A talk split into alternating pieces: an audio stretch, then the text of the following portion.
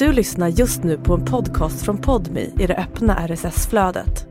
För att få tillgång till Podmis alla premiumpoddar helt utan reklam, prova Podmi Premium kostnadsfritt. Ladda ner appen i App Store eller Google Play Hallå, hallå på er mina älskade, fina, underbara podmi prenumeranter och varmt välkomna till ännu ett avsnitt av Nemo möter en vän. Vi är framme vid avsnitt nummer 420 av den här podden och idag gästas jag av en riktig legendar inom sportjournalistiken och eh, ja, kommentering av sport kan man säga. Och då i synnerhet fotboll vill jag ändå hävda. Nämligen ikonen Lasse Granqvist. Och detta blev exakt så härligt som man kunde tänka sig och misstänka på förhand. För Lasse, ja, han är guld.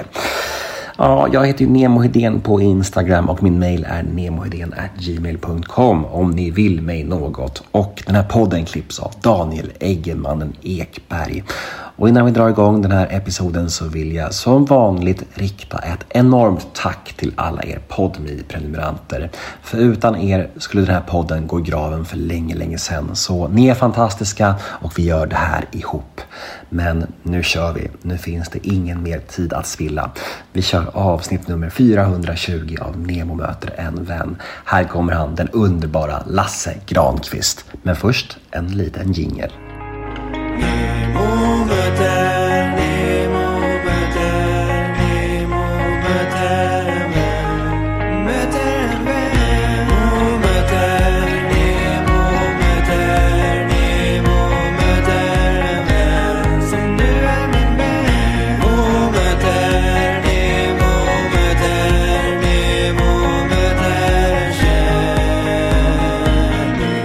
Egentligen så är du en timme och 20 minuter tidig mot den tid du trodde. Mm, exakt, så vilket kullkastar hela resten av dagen på ett sätt som är mycket oväntat. Ja, fan, förlåt.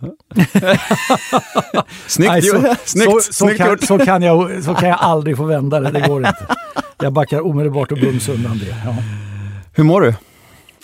Nej men tack, jag mår ganska bra. Mm. Ett, eh, det har varit en administrativ förmiddag, dels med, med jag håller på lite med hästar. Med, med, med travhästar mest, men med, med galoppen. Men sen kom det Champions League-matcher också. Vilka vi ska bevaka och inte bevaka och så vidare. Och då behöver man boka resor och så. Så det var liksom hur kommer man mellan Marseille och Mi- Milano? Ja, det går inte. Okej, då får vi ta en annan dag ett och Milano. Dag, alltså sådär, man håller på. Så det var mycket det som, som snurrade i roten. Du, ser, du ser uppriktigt bekymrad ut när jag pratar om detta. Nej, verkligen inte. Eh, jag, jag började tänka på det här med eh, bara åka runt på Champions League-matcher. Det är sånt jävla drömjobb så jag blir helt, Ja, jag var, jag blev helt snurrig av det. Ja. Om man gillar fotboll så är det otroligt ju. Ja, Vad är det för liv du har? nej men det är verkligen otroligt. Och dessutom, jag har ju hållit på med, med eh, kommentering i radio och tv i 35 år. Mm. Det blir in på nyåret precis. Eh, Men jag har ju aldrig rest med Champions League. Nej. någon enstaka match i slutet på 90-talet på Radiosporten. Därför att då, då var det så att eh, det laget som gick vidare i Europa bevakades av de som var lokalt. Så att om IFK Göteborg var, var ju mycket bra på 80-talet och 90-talet. Då var det Göteborgsredaktionen som gjorde det. Eh, men eh, då var AIK i eh, Champions League eh, 99 och då låg det på stå. Och då var jag bland annat i Florens och jag var, eh, ja det var väl det. Eh, men, men eh, det är en helt annan grej nu. Ja, och en annan fotboll får jag väl erkänna också. De som Jo, det är förvisso det, men AIK fick ju en rätt tuff grupp då också får man säga. Det var ganska bra matcher de Ja. med. Ja. Vad var det? Eh. Fiorentina, Barcelona och... Arsenal eh, var det därför att eh, jag var faktiskt på eh, Wembley då. Eh, dagen före match kommer jag ihåg att det stod eh, Wembley Stadium welcomes AIK Solna stod det på den stunden. Så modernt det kunde vara då, det var gamla Wembley. De här solkiga kommenteringshytterna. Det var ju såna här BBC-mikrofoner som man håller i handen. Och så lägger du eh, mikrofonens övre del med någon flärp om man säger vid överläppen. Och du kan ju tänka dig Eh, det, det, det, det var ju vem som helst. Alltså, sen matchen efter var det någon annan. någon BBC, Talk, Radio Talk 5 vad det heter. Förstå med covid-tanken att, att ärva den där.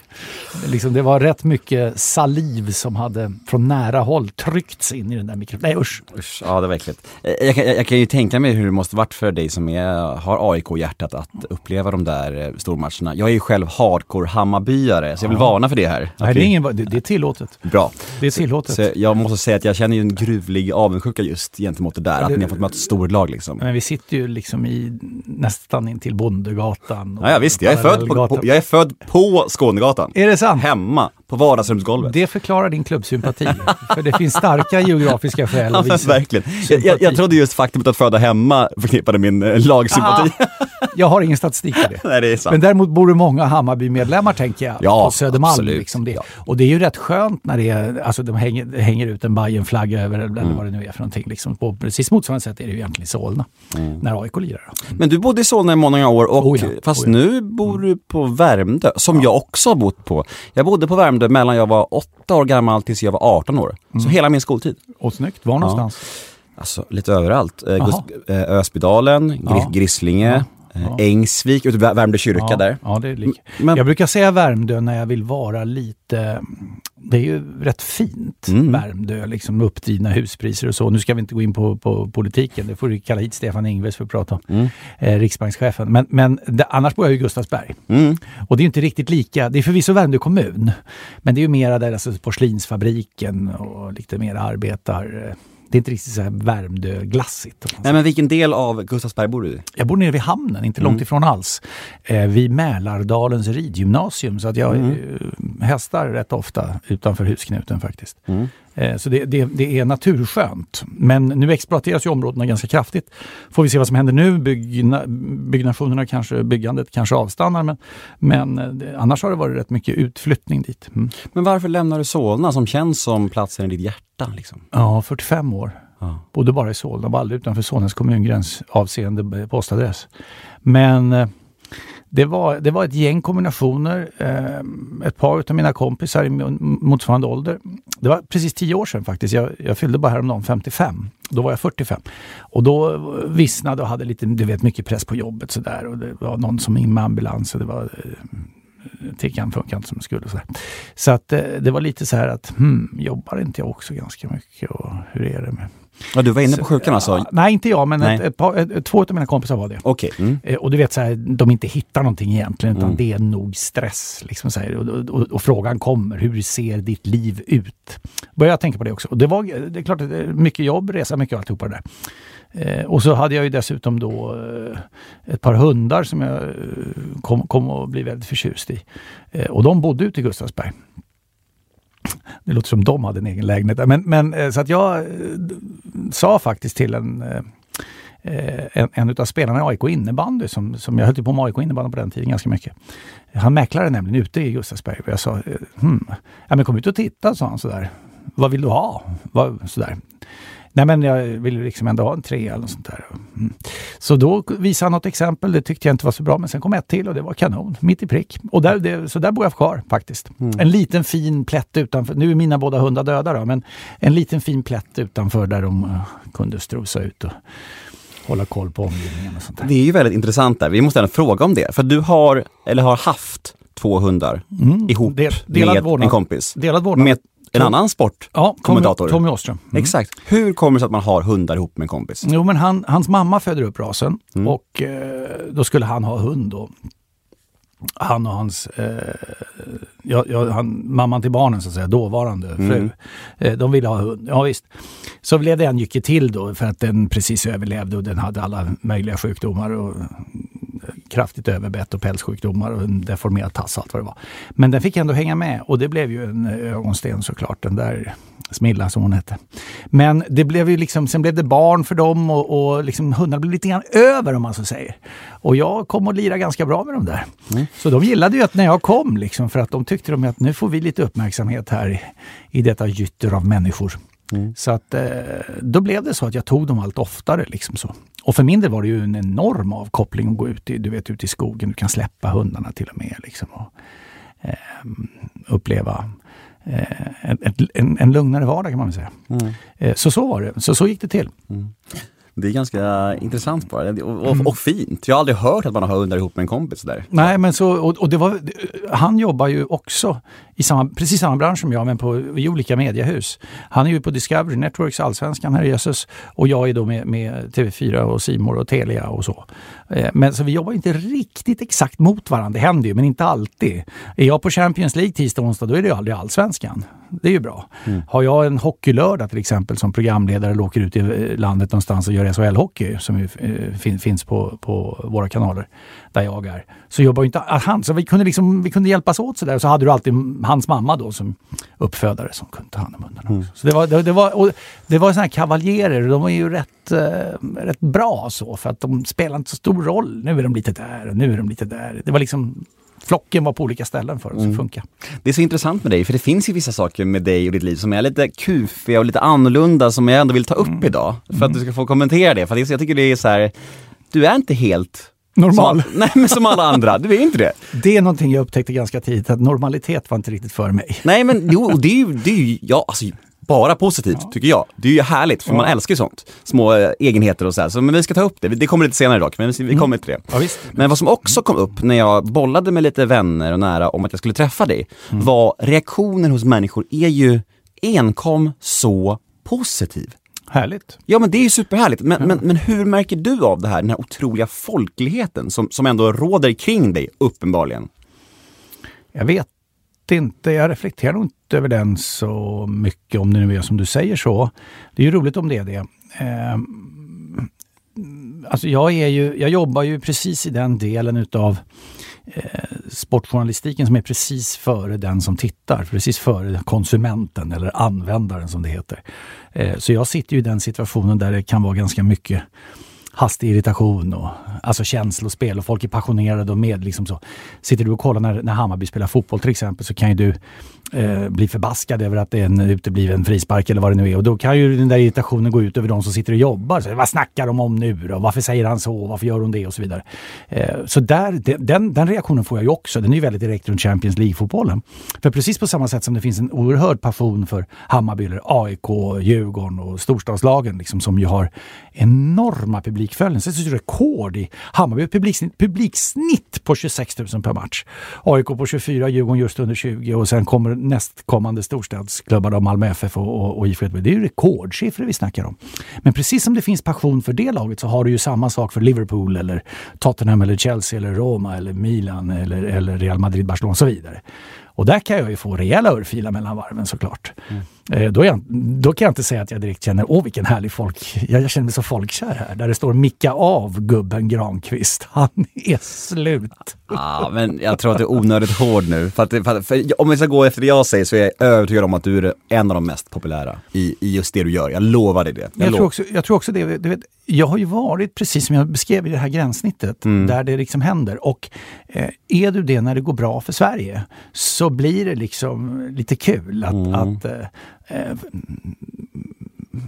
när jag började på 80-talet så var det ett sätt att kommentera som inte var riktigt använt om jag säger så.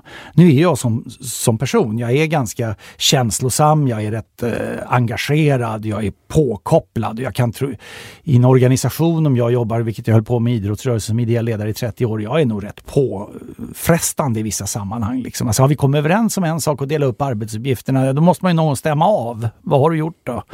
Här, du har inte gjort det, varför inte det? Det måste ju någon annan göra. Alltså, eh, men, men så är jag som, och, och det här engagerade sättet att vara i en kommentering det var liksom inte du vet, Sveriges Televisions sätt att kommentera i tv. Bengt Grive, Sven Plex Pettersson, Bo Hansson.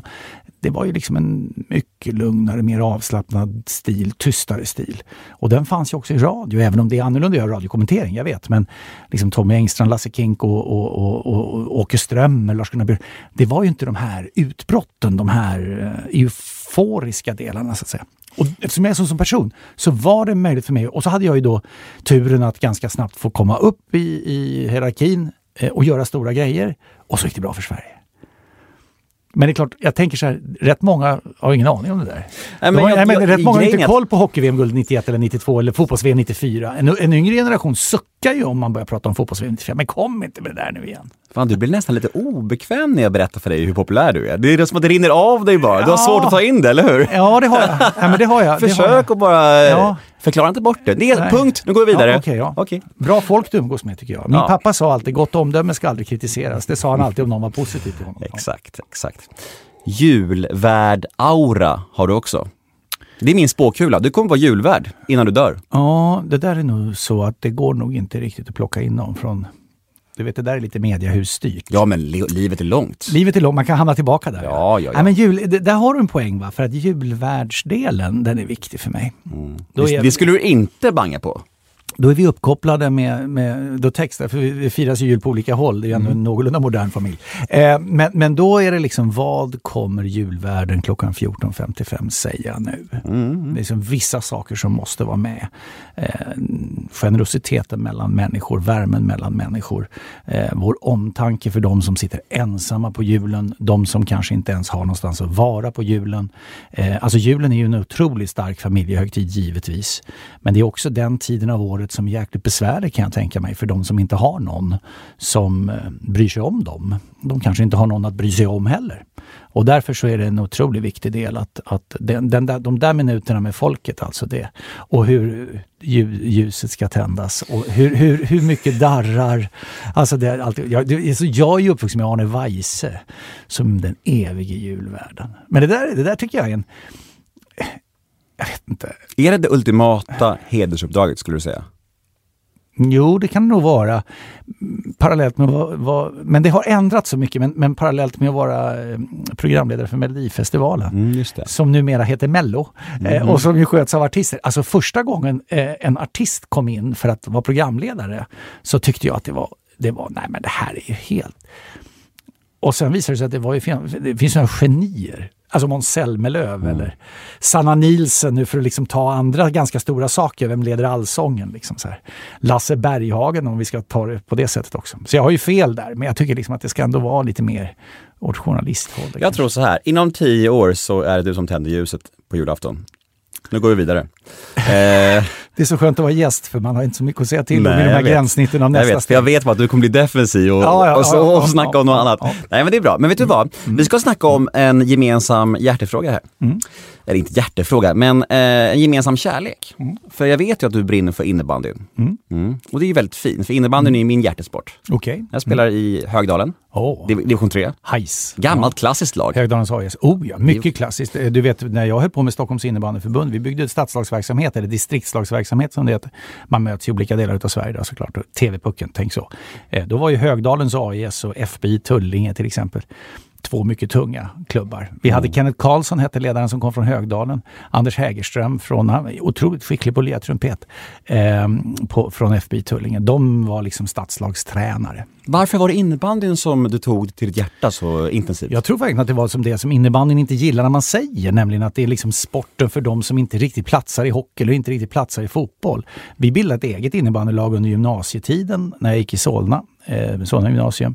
Eh, och där liksom, vi var inte med i fotboll eller hockey eller så. Jag hade kunnat åka skridskor dessutom, så det är en lätt förklaring.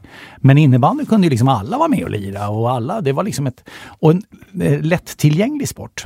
Eh, som ju liksom killar och tjejer kan köra eh, med mix, mixade lag och så utan att det liksom blir eh, knepigt. Så att det, det, det gjorde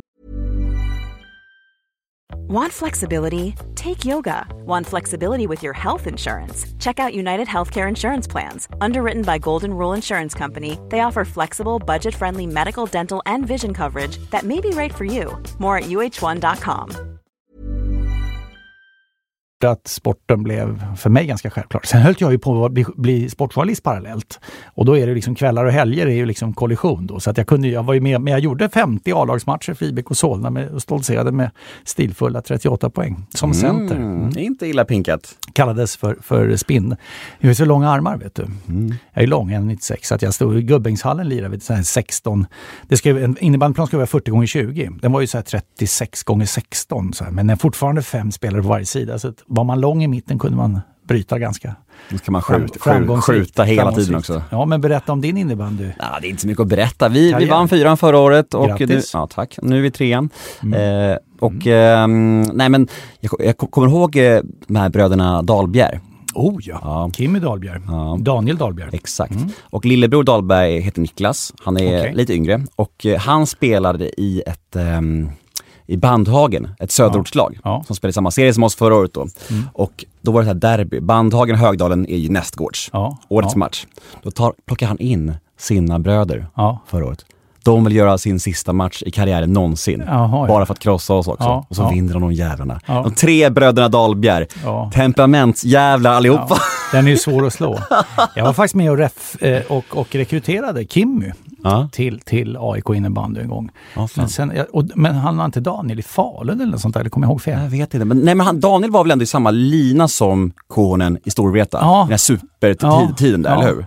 Jag Ja, det. ja, det är med. Ja, när andra är bra tittar jag inte så noga. Nej, för jag såg ju, det sjuka var när jag gjorde research inför det här så googlade jag dig och jag, och jag, jag nagelskådade hela internet. Och då hittade jag ditt gamla tjafs med Mika Kohonen. Jaha, ja. ja, ja. Från, ja, från, gåshud, för ja, jag har ju haft Mika här i podden ju. Ja. Jag älskar ju honom, han är Ja. min innebandygud. Ja. Och så, ert tjafs, vad var det om? Vad hände där? Jag minns faktiskt inte exakt vad det var, men jag blev oerhört... Det minns du visst Nej, men alltså det hade med vårt matchsekretariat att göra och han använde... Jag, jag minns faktiskt inte exakt vad det var, men, men jag var oerhört irriterad på honom för jag tycker att det är en alldeles för gentlemannamässig lirare.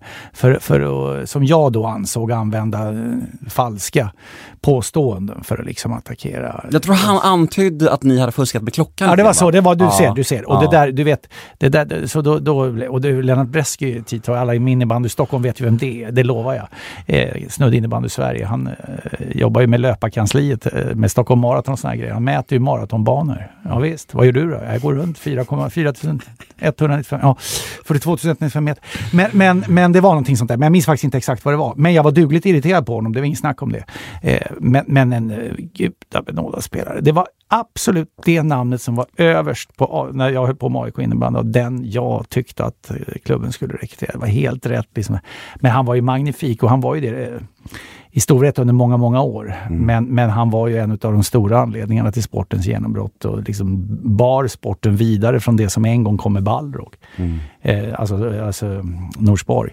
Eh, som Det ville fin- ge sina matcher i Albyhallen och sådana bitar. Nej, exakt. Det finns ju till och med på YouTube, den här incidenten, när, Mm. när han säger någonting. Men ja, men eh, ni, klockan, jada, jada. Du bara, antyder du det så blir jag jävligt förbannad, Ja, men du. precis ja. ja. Nej, Men, det, ja, men jag gillar inte Då backar han lite. Ja, mm. Ja, jag, jag, jag har faktiskt inte snackat med honom om det, men jag, jag minns inte exakt. Men Nej. det är bra att du, men, men liksom grejen är så här, jag, jag tycker inte om när man anklagar mig för att fuska, för det är inte min grej. Va? Nej, jag så kom inte och snacka om det, för det är fel. Va? Men ni har båda gjort mycket för innebandyn ska jag säga. För att, för att det på finns helt olika sätt. Ja, jag vet. Men det finns många som, som hävdar att du har gjort jättemycket för sporten också. Och det stora genombrottet. Ja, ja, det är en härlig resa att vara med om faktiskt. Ja. Häftigt när en sport får ett sånt uh, lyft. Alltså. Så, och, och vi var ju med, du vet jag höll ju på med förb- förbundsjobb alltså i distriktsförbundet i Stockholm, eh, i Svenska innebandyförbundet, jag har suttit i internationella innebandyförbundet också, så jag håller på mycket med, med, med, med sporten. Det har ju, drivkraften har ju varit en- engagemanget och det ideella arbetet. Liksom, jobbar du i kulisserna så jobbar du för att göra andra bättre, det är det som är grejen. Vad tror du krävs för att innebandy ska kunna bli en OS-sport? Det krävs ett, ett väsentligt större internationellt, eh, om inte genombrott så åtminstone internationell förankring. Eh, du vet, i, internationellt sammanhang så är det ju, eh, kontoret ligger i Finland, det är en finsk generalsekreterare, det är svensk eh, tävlingsledning för förbundet, det är en svensk president, Thomas Eriksson, en mycket god vän till mig för övrigt, eh, under många år. Han sitter med i Riksidrottsstyrelsen också i Sverige, Riksidrottsförbundet. Men, men eh, det är klart att du behöver kanske tänka fler världsdelar, kontinenter. Är det en sport som är stor i Sverige, Finland, Schweiz och spridning hyfsat väl i Europa så räcker inte det på den olympiska scenen. Du måste liksom ha nå, nå, någonting som är väsentligt bredare och väsentligt djupare. Och dessutom så konkurrerar ju innebandy på sommaren. Eftersom för att vara vinteridrott måste du ha snö eller is som, som eh, grundtanke. Ja, ja, ja. Eh, Vilket innebär att där är det trångt redan från början. Va? Men däremot skulle det vara så att eh, Stockholm hade fått arrangera när, när man sökte sommar-OS 4 till exempel, så, så hade det möjligt varit att liksom, då vill man pröva något med en lokal stark förankring. Något sånt där. Nu tror jag det är ganska långt ifrån dessvärre. Mm. Men vilka, som bestämmer vilka som ska bli OS-sportare? Det gör internationella olympiska kommittén. De har ju en särskild grupp som ja. jobbar med att titta på de här sporterna och utvecklas. Och jag vet att internationella innebandyförbundet jobbar ju hårt för det här. Mm. Och de är kallade på möten och de är med i olika kongresser och så vidare. Och träffar de här som, som liksom ställer kontrollfrågorna och tittar på sportens utveckling. Hur många nationer är med och hur ser ekonomin ut och hur växer sport och alltihopa det där. Så det, det, det är ganska strikta regelverk hur det ska göras. Mm. Du, eh, nu ska vi leka en liten lek. Aj då. Mm, den heter associationsleken. Ja. Det går ut på att jag säger ett namn eller eh, företeelse eller någonting från ditt liv, din karriär. Och du ska helt enkelt spåna fritt utifrån det ordet. Mm. Du ska bara se vilka tankar och känslor som kommer i ditt mm. huvud när du hör det ordet. Mm. Är du med? Ja. Då kör vi. Kör du. Associationsleken med Lasse Granqvist börjar nu. Och det första jag ska säga är Kommentera TV kontra radio. Radio är ju eh, roligare för det är friare. TV är mycket mer krävande. Varför bytte du då? Jag var lite... Jag, jag, jag kände att eh, jag, jag riskerade att bli en karikatyr av mig själv. Alltså, eh, det blev en grej att jag skulle vara eh, galen om det gick bra för Sverige till exempel. Och det är inget bra tycker jag. Alltså, det måste komma inifrån, det måste vara självklart. Det måste vara... Och, och, och då kände jag också att jag hade gjort, eh, jag, alltså jag gjorde ju radio enkom fram till millennieskiftet eh, 9900. Då började jag göra radio och tv tillsammans, vilket jag höll på med fram till eh, tio år sedan och sen bara tv. Och jag kände där också för tio år sedan att hm, jag kanske ändå ska ge mig själv chansen att förkovra mig i tv, göra ännu mera tv och utveckla mig i det sättet att göra. Eller kommentering till, till eh, Eh, rörlig bild.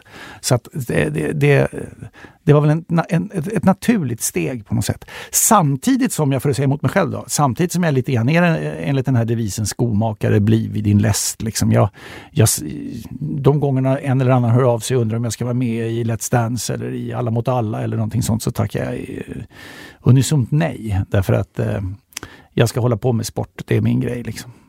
Men vad är skillnaden på att ställa upp i ett sånt lekprogram kontra att ställa upp i en, ja, en podd till exempel? Nej men det är lite också så här, liksom, att jag är... Troligen kommer vi ju sitta och prata om det jag gör i mitt yrke. Och den tycker jag liksom är mer, eh, det är ju det jag håller på med. Liksom. Mm. Eh, och det är väl en del av offentligheten också på något sätt.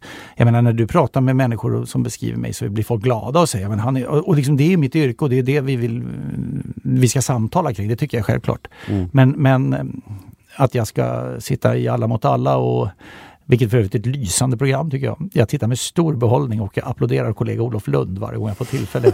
alltså, snacka om att vara, vara in, inne i tävlingen. Ja. Eh, men så att, så att, lite grann säger jag emot mig då i och med att jag höll på med radio. Varför fortsatte jag inte med radio? Men det var ändå inom samma gebit på något sätt. Mm. Så att eh, därför tycker jag att det är bra att jag fick testa tv. Men, men som svar på din fråga så, så är det radio för det är roligare. Du kan, du kan skapa mycket mer fritt. Men samtidigt så är det lite sorgligt för du svarar att det är radio som är roligast och det är där du liksom liksom är, din själ ligger där på något sätt. Men ändå så gick du till TV, då går du emot det du egentligen vill göra, bara för att du inte vill bli en karikatyr på dig själv. Ja, det var en del av det, men sen vill jag ge mig själv chansen att utveckla mig i TV också. Mm, liksom att jag, att jag, att jag Kanske är det så att kommenteringen i tv eh, med rörlig bild är mer vuxen på något sätt. Den blir lite mer distans. Du får ett filter mellan dig och det du ska säga beroende på att du vet att den som sitter och tittar ser ju precis det du ska spegla. Mm. Eh, alltså i ett referat ska du tala om exakt vad som händer när det händer. Eh, och helst var också på planen de är någonstans som det är mm. lagidrott håller på med. I tv är det ju inte så. Där ska du komplettera ett pågående skeende med det du säger. Alltså att säga i tv, eh, han skjuter att säga i tv hon räddar, det är ju överflödig information för att alla som tittar ser ju exakt det. Mm.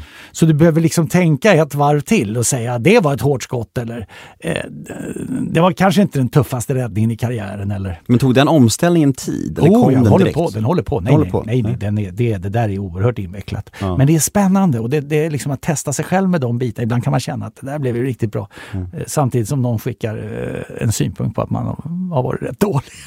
Men det var väl också en ekonomisk aspekt. Alltså Simor är väl mycket mer betalt än Sveriges Radio?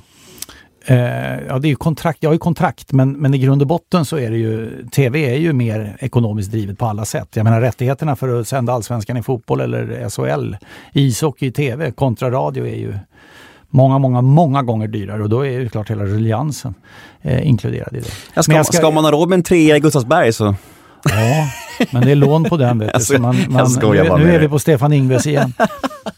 men, men alltså jag var faktiskt i samtal 2017 med eh, Sveriges Radio och Sveriges Television.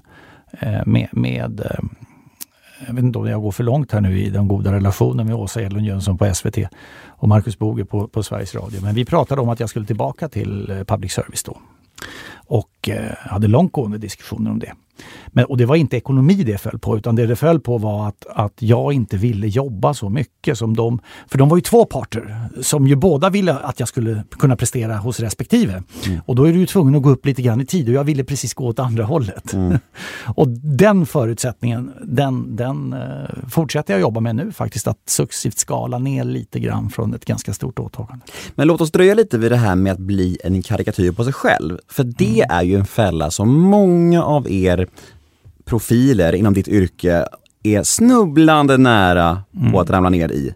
Det finns ju exempel på, du behöver inte hålla med mig här, men jag tänkte ta ett exempel här. Mm. Att eh, man som kommentator märker att någonting flyger hos folket. Någonting är populärt, en viss stil. Och mm. att man då börjar liksom ösa på med det för att man, ja, men man märker att det går hem. Men då blir det till slut som att man tappar det genuina mm. för att man vill vara så inställsam och man vet att något flyger. För mig är ett exempel på det Niklas Holmgren. Mm. Så du behöver inte hålla med här, du, behöver, du, kan, du, du, kan, du, kan, du kan vara tyst om du vill också. Men han är, var ju fantastisk i många år och jag tycker han är fortfarande fantastisk. Men så var det som att han fattade att det här, nah, att det gick hem så mycket, att han bara blev mer och mer så. Tills en dag kände jag och många andra, tro mig, det här var en stor snackis på Twitter, att liksom det blir som att man förställer sig för att man, man blir som en, mm. det blir inte genuint längre. Mm. Är det det du menar när du säger karaktär på dig själv eller? Eh, ja, det är inte, alltså inte jämförelse med Niklas, men, men generellt, liksom. generellt är det det. Ja, att, att det finns en fara i att man försöker förstärka bilden som andra har av en själv. Mm. Och då kommer det inte längre inifrån. Och det är precis det jag menar, att engagemanget och närheten måste vara alldeles naturlig. Eh, och, och, du måste liksom, det, det, är det som också är att kunna klara av att resa med en match. En, vissa matcher är ju dåliga, mm. är inte underhållande. Och det är klart att du kan göra vissa saker för att hjälpa till att folk ska liksom inte tycka att det är tråkigt. Men du kan heller inte lura den som sitter och kollar. Alltså du vet ganska väl när du sitter och tittar på en match om det här är liksom bra eller inte. Nu är om, om du är engagerad när Hammarby spelar, men ta ett annat, eh, du ser på en internationell match exempelvis. Så kan du ju känna att det där är ju en riktig, det är väl inget bra det här. Och så sitter den som är där och jobbar och liksom ger en helt annan bild av matchen. Eh, sen kan jag tycka, jag måste säga det när det gäller Niklas, att det är få, eh, det är få sak, alltså, jag, jag, jag, känner fram, november, söndag kväll 23.00. Liksom, du har Carolina Hurricanes mot Phoenix Coyote, alltså någonting sånt här i, i National Hockey League. Mm. Och du, ah, jag, jag, vill inte gå och lägga mig, jag sitter och kollar. Och då får du Niklas Holmgren. Eh, som liksom kör, bara kör alltså. Och jag tycker NHL, då är tålamodet med en, de har ju den stilen i Nordamerika i sin mm. kommentering överhuvudtaget. Shoot wide, mm. rebound, bam, så här liksom mm. så. Och få det från, det tycker jag är, det kan, det kan göra, kan man sitta och kolla en period till liksom. Mm. Inte för att jag bryr mig ett dugg om hur det går i hockeymatchen, faktiskt inte alls. Den kan till och med vara ganska, äh.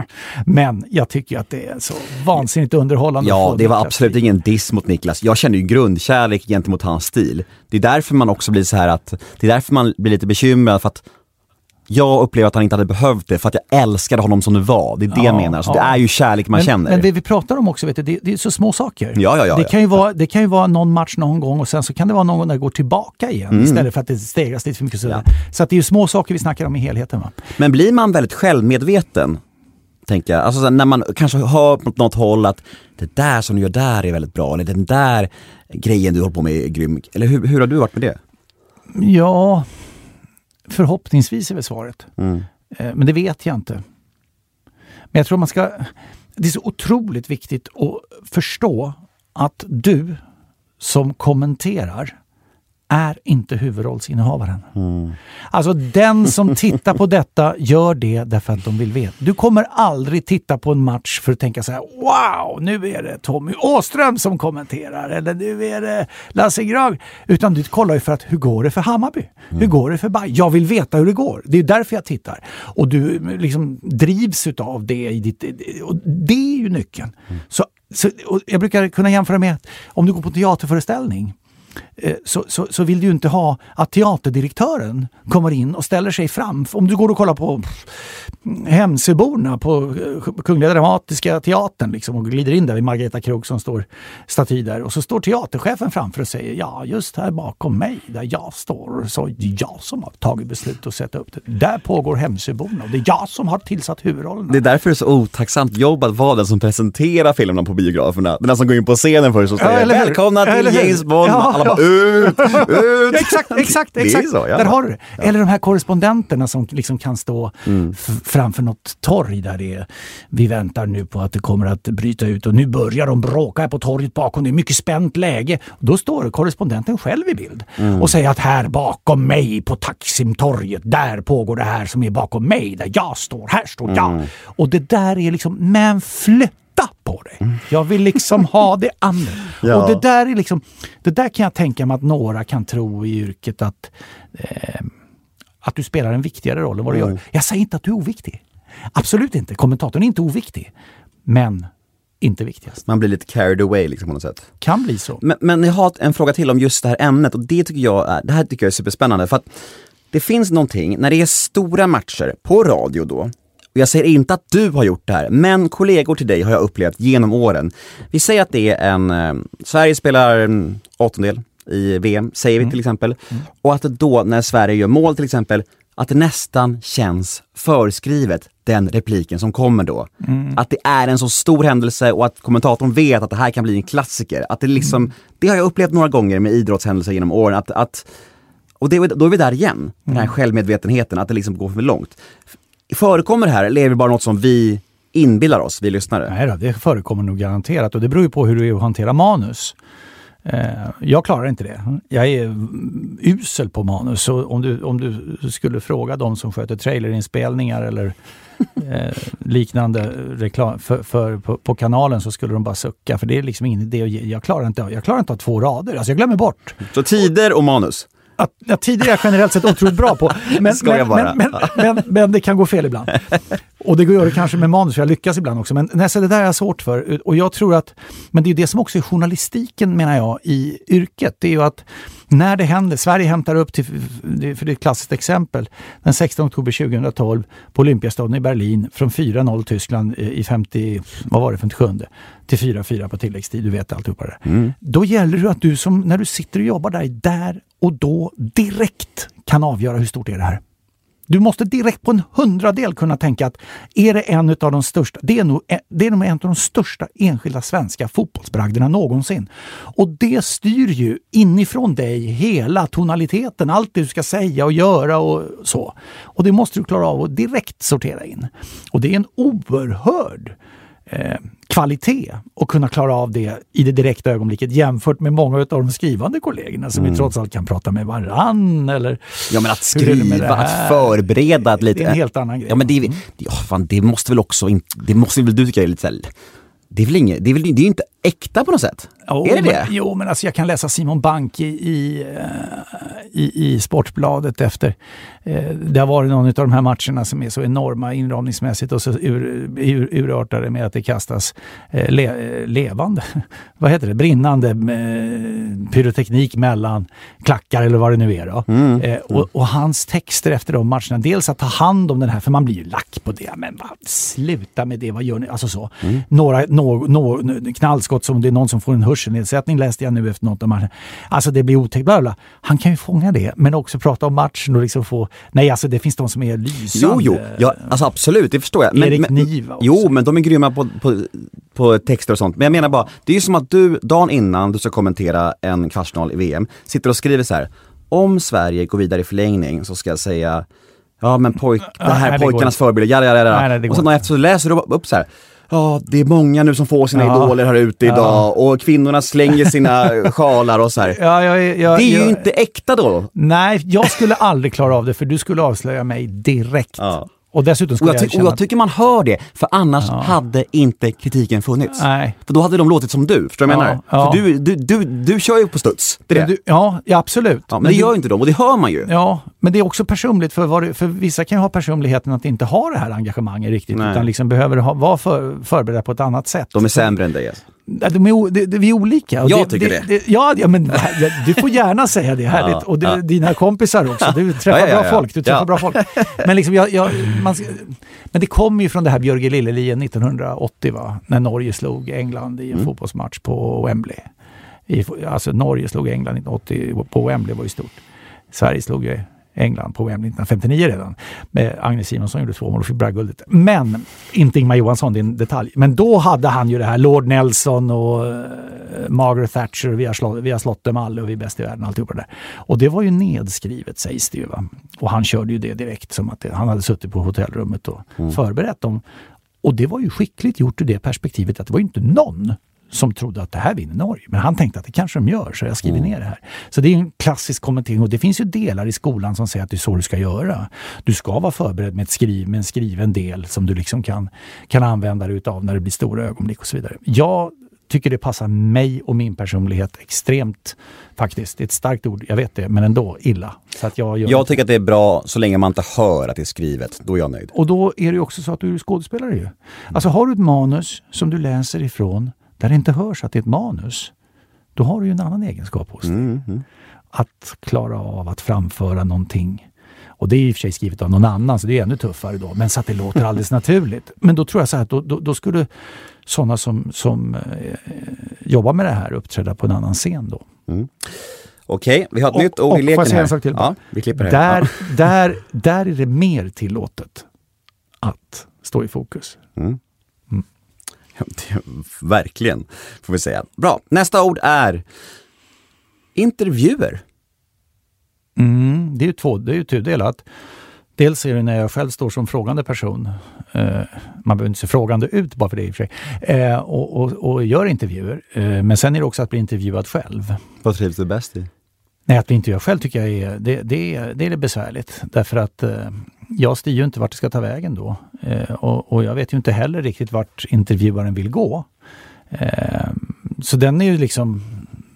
Generellt sett är det bra att man bara svarar på frågor. Eh, det är bra om det är på det sättet.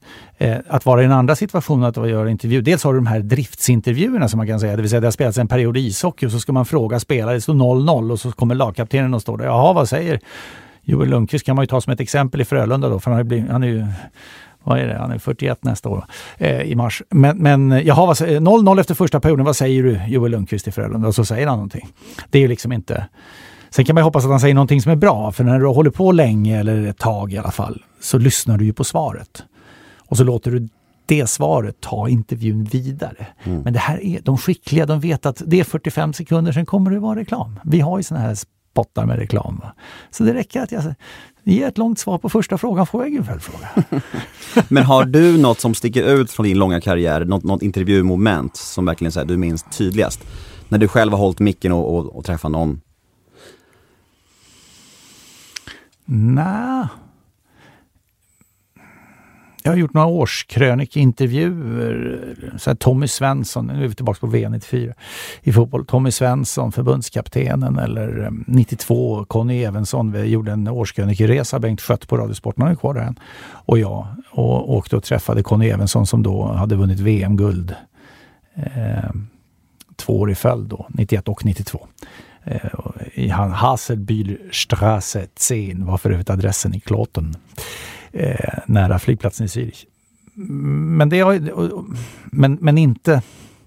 Det var ju mer för att sammanhanget var oerhört positivt. De fick tala om liksom sin ledarskap. Jag har gjort någon intervju någon gång när men det är ju inga bra intervjuer, men man, jag kommer ihåg det för det var speciella omständigheter. Men Lennart Johansson som ju var en eh, stor eh, idrottsledare, eh, gick bort här för några år sedan.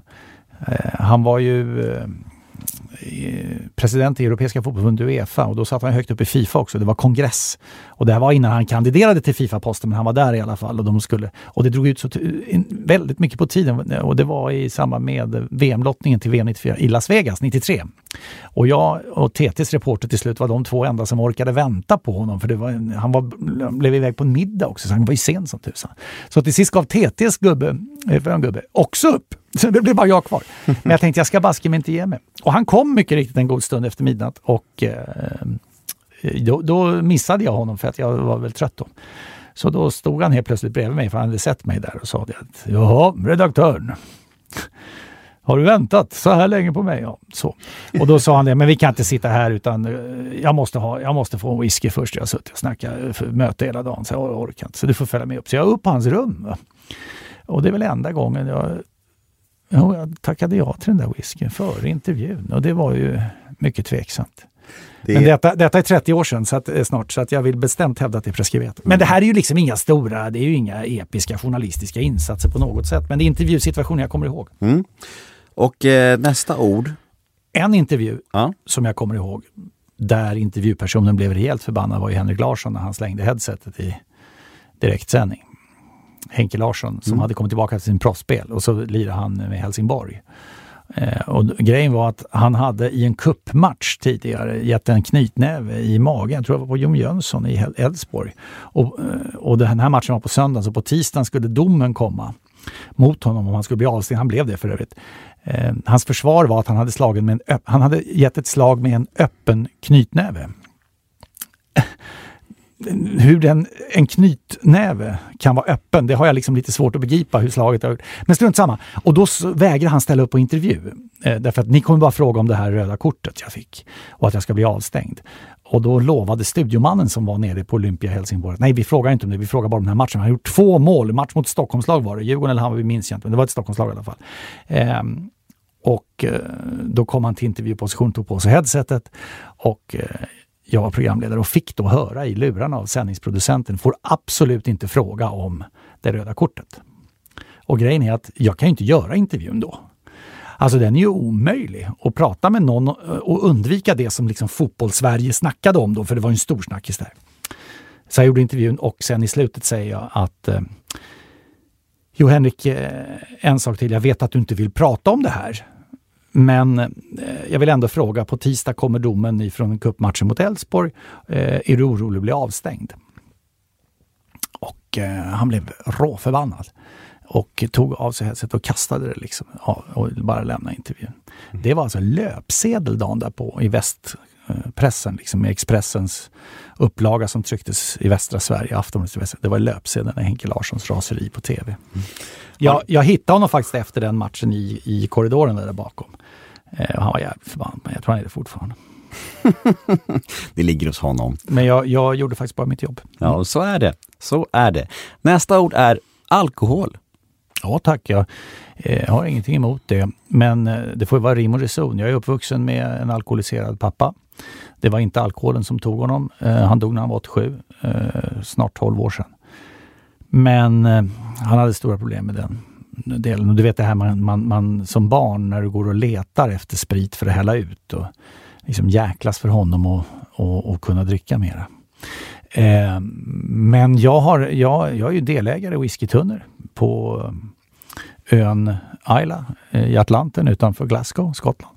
Eh, dessutom hörde jag ifrån för nu har vi suttit och pratat om två av Stockholmsklubbarna. Här blir BP går upp också, jag vet. Men, men eh, en, en mycket god vän, eh, Svenne, som är djurgårdare. Men eh, han är whiskykonnässör och vi har också en tunna i Smögen.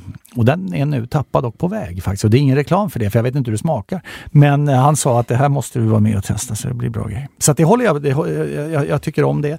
Eh, Hasse Backe och jag som håller på med hästaffärer ihop, eh, expertkommentatorn, tidigare tränaren Hasse Backe, eh, vi, har, vi, vi delar ett intresse också för bourbon. Vi har ju varit i Kentucky då med anledning av hästaffärer. Och i Kentucky är ju bourbon liksom, det är ju husdricka.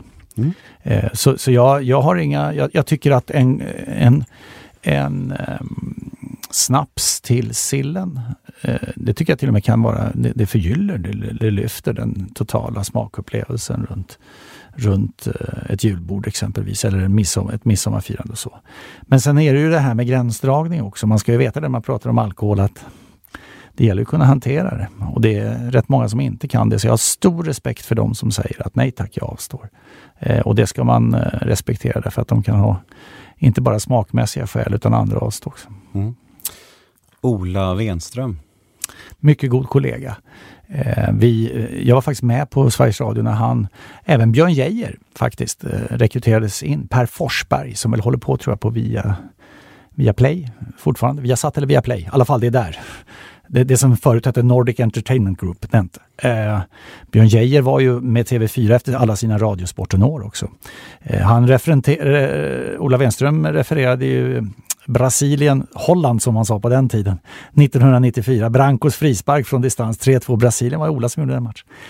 Jag har alltid sagt till Ola att jag, han hade kunnat blivit eh, Sveriges bästa eh, lagsportreferent, fotbollsreferent, om han inte valt programledarskapet. Men han gjorde det.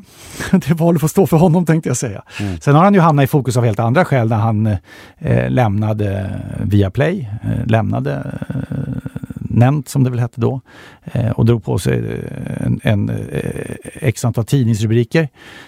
Kanalens uppträdande mot honom hade han ju anledning att återkomma till bara för några månader sedan.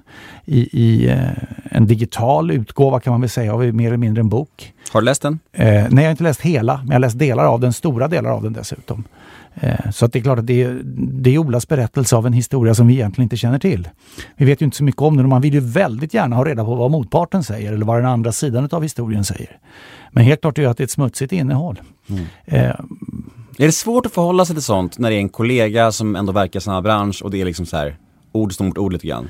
Ja, det är inte bara en kollega, det är en kompis. Exakt. Så att det, det, det gör det ju mer besvärligt. Så att säga. Jag har ju ingen anledning att tvivla på det Ola säger. Men jag har ju heller inte hört vad de andra säger. Och det vet man ju från, alltså är du journalist så vet du att du är tvungen att lyssna på båda sidor. Liksom. Och den andra sidan säger ju ingenting. Nej. De undviker ju det. Um, men jag, jag, jag är... Eh, jag, jag, är... Det är för jäkla synd att uh, uh, den tiden som Ola hade med den uppdragsgivaren slutar på det sättet. Det tycker jag är för jäkla synd. Mm. Och det har jag också sagt till Ola. Men, men han går ju vidare. Han eh, håller på och jobbar med, med ATG nu och, och, reser med deras så kallade Big Nine. Han åker ju runt på, på stora fotbollsresor eh, och, och, upplever den här eh, dramatiken utan att sitta i Champions League-studion. Ja, det går nog ingen nöd på honom, men det är ju vår förlust att förlora han i studion för han är otroligt kompetent. Så är det ju. Ja, och det var ju dessutom så, det var en del av uppväxten. 29 år mm. gjorde ju, 29 år lyckades alltså samma rättighetsinnehavare försvara sin rättighet när det gäller Champions League-fotbollen. Mm. Ehm, och, och, då var ju Ola Wenström där varenda gång. Mm. Så han blev ju en del av det naturliga att uppleva Champions League. Mm, verkligen. Så är det. Nästa då. Kommentera män kontra kvinnor.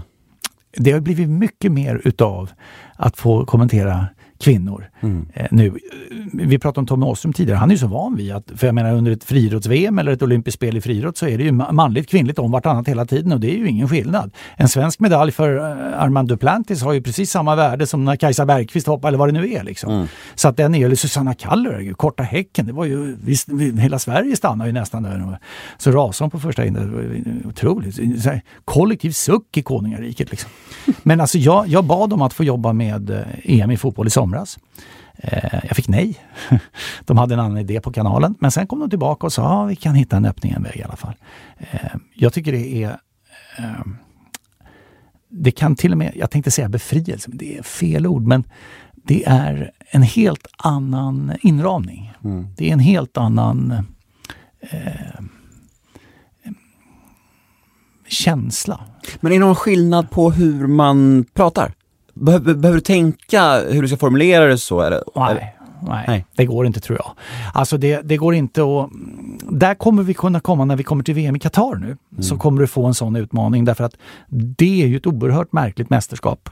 Ingen vill att det ska gå där, det gör det ändå. Mängder med, med, demonstration, med, med, med protestaktioner, inte demonstrationer, protestaktioner mot, Qatar som, som värdnation.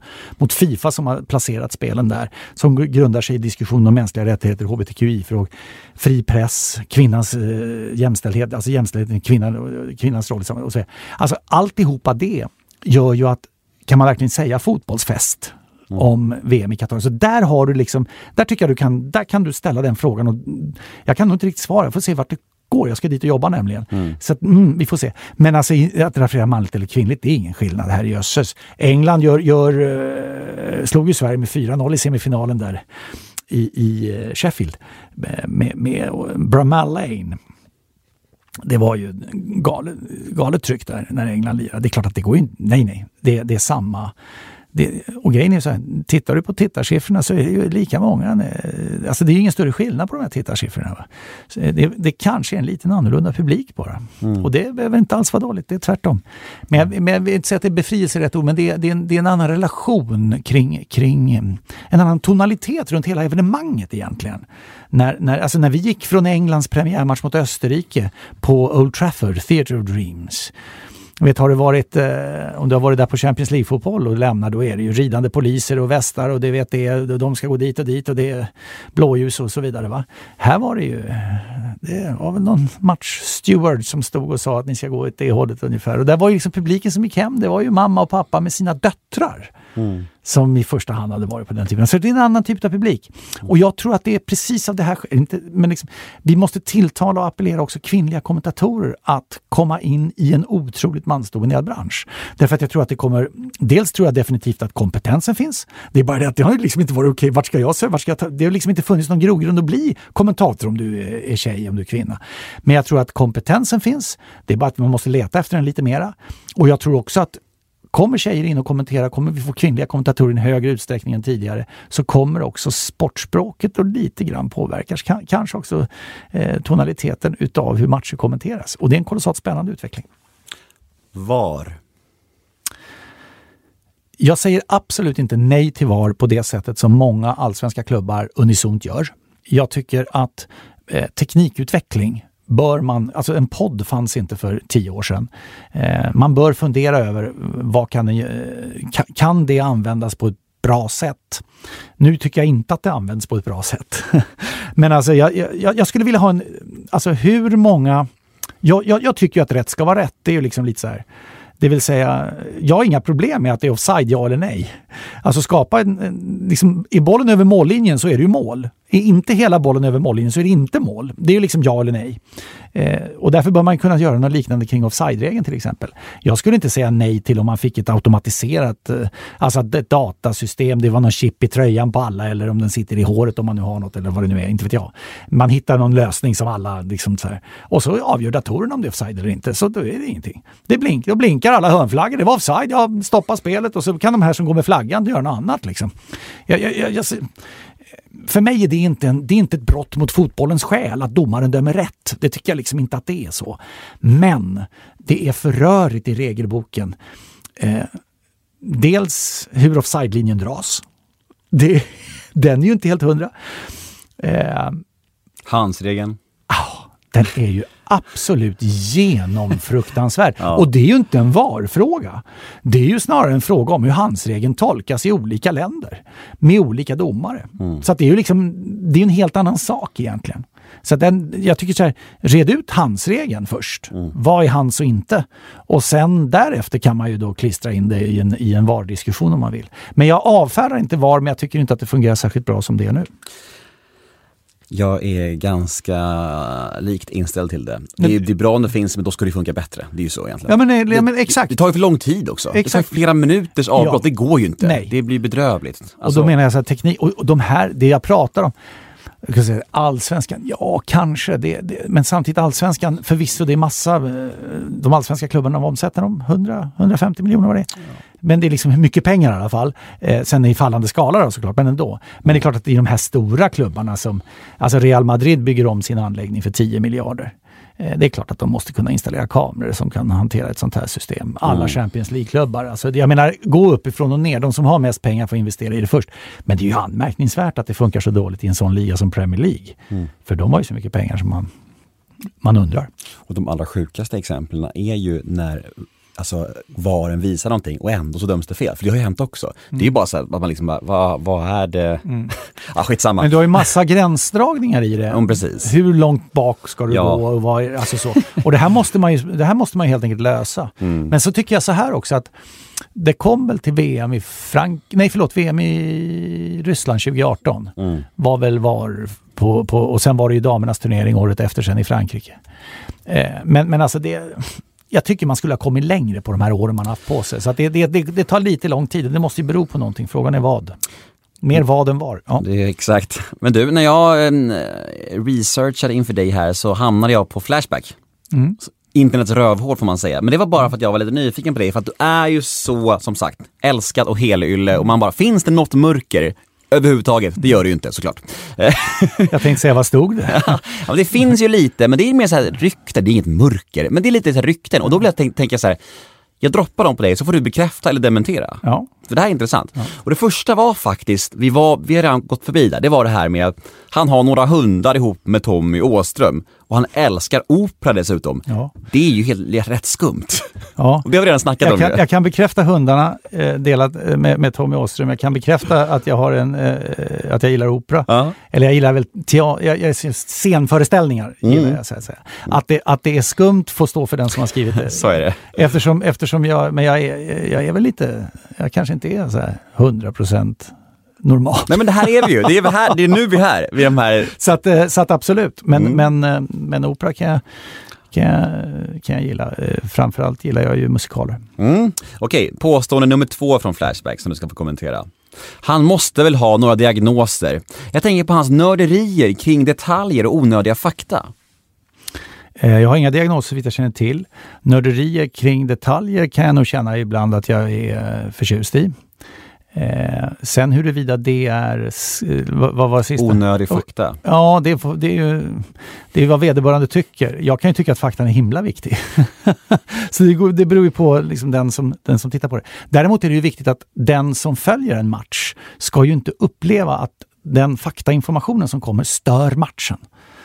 Det är liksom, så, så, så, uppenbarligen, jag kan tänka mig att den här personen kan ha stört sig på att det har varit... Och där, eh, jag vet inte när den är, när, eh, när den skrevs den där, men eh, jag har blivit mer försiktig med att använda fakta. Kanske som den här personen skulle säga, onödiga fakta på senare tiden. Därför att jag kör mera bara liksom det, nu, nu, nu hela tiden. Liksom. Och vad händer nu och vad kommer hända härnäst?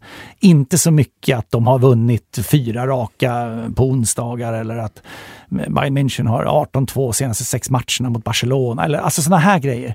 För jag känner att när jag själv sitter och ser den typen av matchkommenteringar så känner jag att om jag tänker efter i paus när de blåser av. Nu ska vi se, vilka faktauppgifter har jag fått här i första halvlek?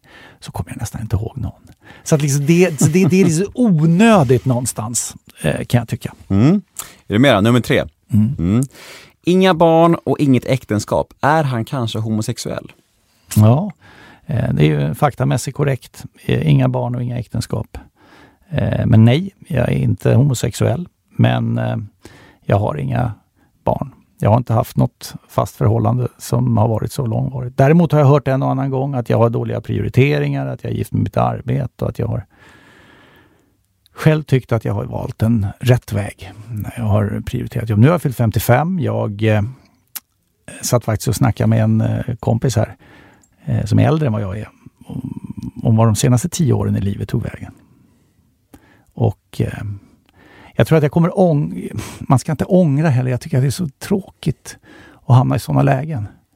Men livsvalet att... Eh, alltså när jag blir rejält gammal, om jag har peppar peppar, tur att få vara med så länge, eh, så är det inte så många som kan ta hand om mig då. Är det för sent att skaffa barn? Nej, det är det ju inte. Eh, jag pratade tidigare om kollegan Hasse Backe. Vi har ju häst ihop, hästaffärer ihop. Men han blev ju, eh, han har ju flera eh, barn i tidigare äktenskap, men han blev ju pappa här i, vid 63 års ålder. Han fyllde ju 70 här i februari och Edvin som sonen heter är ju sju. Mm. Så det är det ju inte. Det finns ju, men men dejtar du något eller är du bara, är du bara en ensamvarg helt enkelt? Nej. Eller är det här bara privat? Det ja, får du säga också. Det får du säga också. Ja, såklart. det är klart att det är. Det, det är ju den pri, privata sfären så att säga. Men, eh, nej, men, jag, men jag, jag har inte några problem med att vara ensam. Jag eh, kan uppskatta eh, den delen av eh, ett lugn också. Liksom. Det mm. kan jag göra. Men är det en sorg att det inte har blivit barn?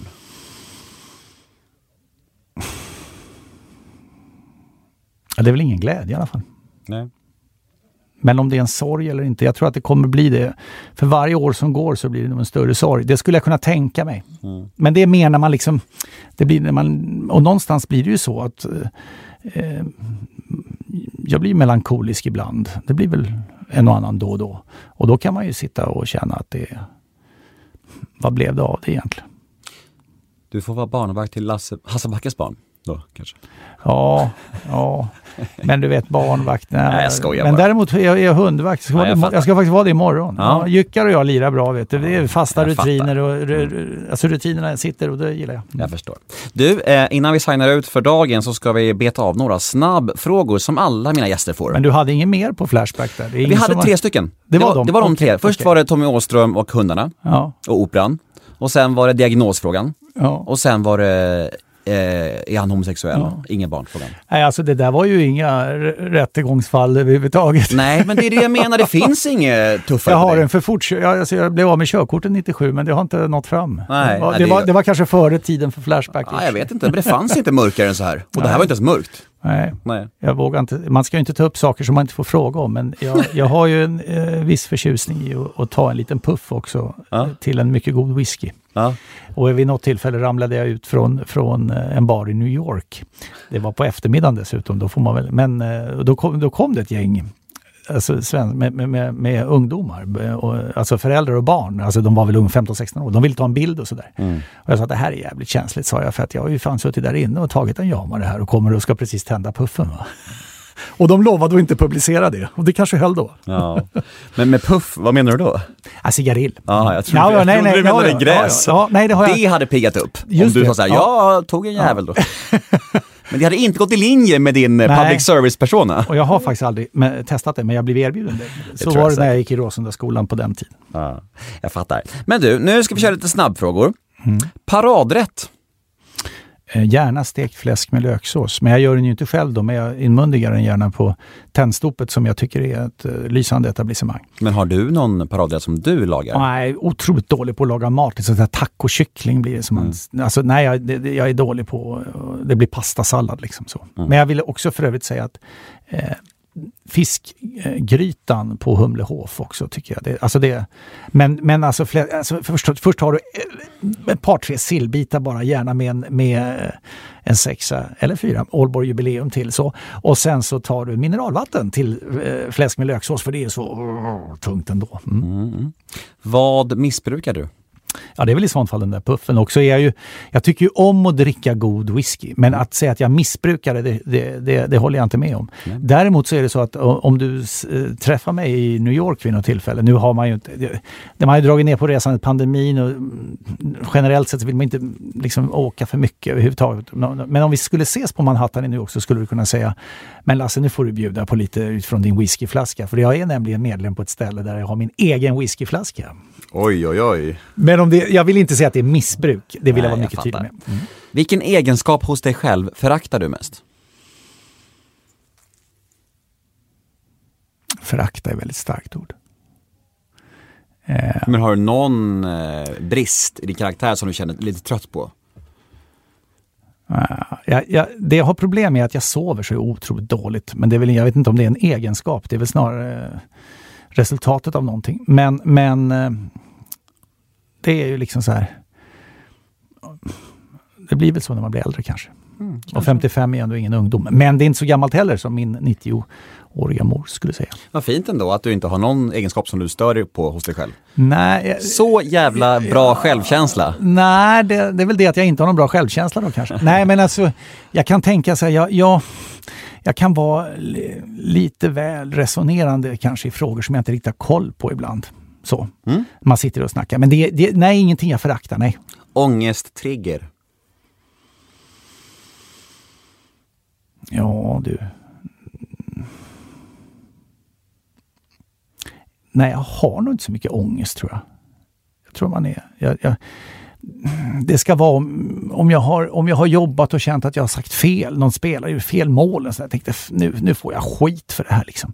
Men det är ingen ångest i det ska jag säga. Ångest är också ett rätt starkt ord. Jag tror inte att jag har... Eh, jag, vet inte, jag vet inte om jag är generellt sett otroligt menlös. Men jag, jag skulle säga att jag... Nej men jag har nog inte ångest så. Det, det, det tror jag inte att jag har. Menlös är väl, inte, är väl inte rätt ord kanske, men du kanske bara mår generellt ganska bra. Ja, lite så. Och det är väl jä- jävligt skönt. Grattis till det. Ja, Fan, man ska väl inte skämmas över att man är ganska ångestfri. nej, nej. Var tacksam istället. Ja, jag Ja. tackar för det. Bra. När grät du senast?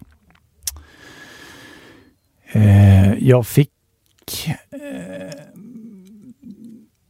det, alltså, det är sådana sammanhang när, när, när, det är mycket folk som, som reagerar. Liksom i, under pandemin kunde jag sitta och, och eh, titta på publika, alltså när publiken inte fick gå på idrott så kunde jag kolla på eh, stor stämning i samband med nordirländska fans liksom sjunger Sweet Caroline eller mm. alltså så här, Då kan jag få tårar i ögonen. Jag kan sitta och kolla på jag kan sitta och kolla på um, det här America's Got Talent eller, eller Britain's Got Talent och så. Den eh, Simon han heter Simon, Simon, Cowell. Ja, Cowell ja.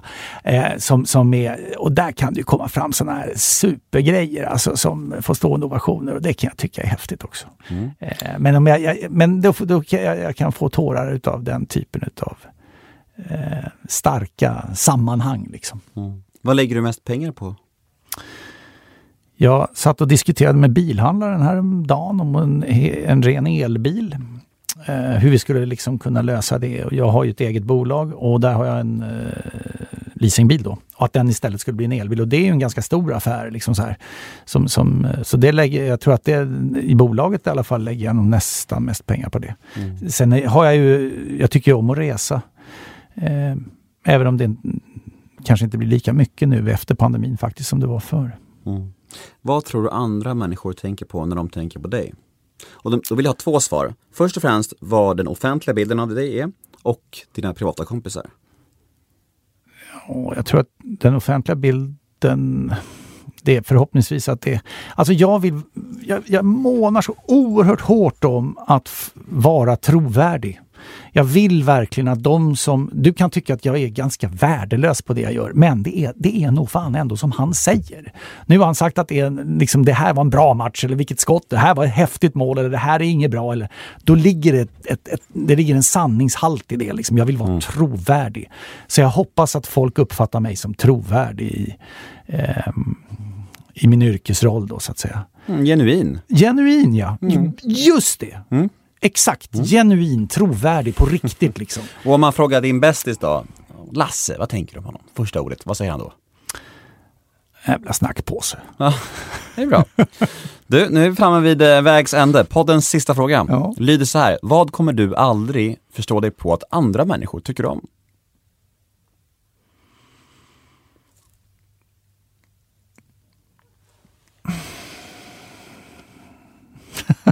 Ja, vad ska det vara? Alltså jag är så här. För mig är det, för mig är alla människors lika värde är oerhört viktigt för mig. Jag har en kompis i Göteborg som är, han jobbar som rekryterare åt stora bolag. Du vet, företag betalar enorma pengar för att få utredningar och nu ska vi anställa en ny mm. chef här och så vidare. Och då, då ringde han mig och sa så här, du, Eh, jag har två stycken sådana här undersökningspass. Man, man får en länk och så ska man sitta i en och en halv timme och svara på... In, in, ja. Kan inte du ta en av dem? För jag skulle vilja kartlägga dig, så. ja visst. Så det blev det så. Jag investerade 90 minuterna och gjorde den där undersökningen. Och så kom han tillbaka. Den var på engelska förstås. Eh, jag tycker man ska prata mer svenska när man kan. Men då, då eh, fick jag de fem huvudtemana för mig. Men det viktigaste som, som var i den där undersökningen var att jag, jag värderar alla människor lika och det är viktigast för mig egentligen. Vilket innebär att, som svar på din fråga, är att folk får vara precis hur de vill. Liksom. Eh, sen finns det faktiskt ett regelverk i samhället som vi har kommit överens om och det kan vi väl hålla oss till. Liksom. Men i övrigt så, det du tycker är viktigt i ditt liv ska du göra. Så länge det är bra för dig och inte skadar någon annan så har du mitt stöd för det. Så att jag, jag, jag kan liksom inte döma någon annan för någonting de gör. Liksom. Nej. Däremot om någon sitter på flygplan och sparkar mig i ryggen, då blir jag jävligt irriterad. Bra. Du, eh, vi är klara. Ja. Hur känns det här? Nej, men jag tycker det var, det var, det var jag, jag var sen. Det är alltid svårt att... Och, jo, men det är svårt att... Vi sågs ju för första gången liksom och, och jag gjorde bort mig det första jag gjorde. Det, så nej, men det, det, det var liksom stolpe ut. Eh, det var jättegott kaffe. Eh, Bra. Du är ju en oerhört behaglig och trevlig person. Eh, jag fick prata lite innebandy också. Ja, så det, det, så himla det gladde härligt. mig. Det gladde Världens mig. bästa det hade, sport. Det hade jag kunnat prata om i flera timmar, så att du ska vara glad att vi kom hit så här snabbt. Tro mig, jag ville snacka innebandy en timme. Men så har jag också en del lyssnare som skiter i innebandy ja. helt, tyvärr. Oh. Men de kanske ändå har lirat det någon gång och tycker att det är kul. Det är ju en sån sport. Liksom, så ja. Vi får ta innebandysnacket off mic istället. Ja, det var trevligt det här. Tack för att du kom hit. Tack så mycket för att jag fick komma. Och tack alla lyssnare. Vi hörs igen nästa måndag. Var rädda om er. Puss och kram. Hej då! Hej, hej.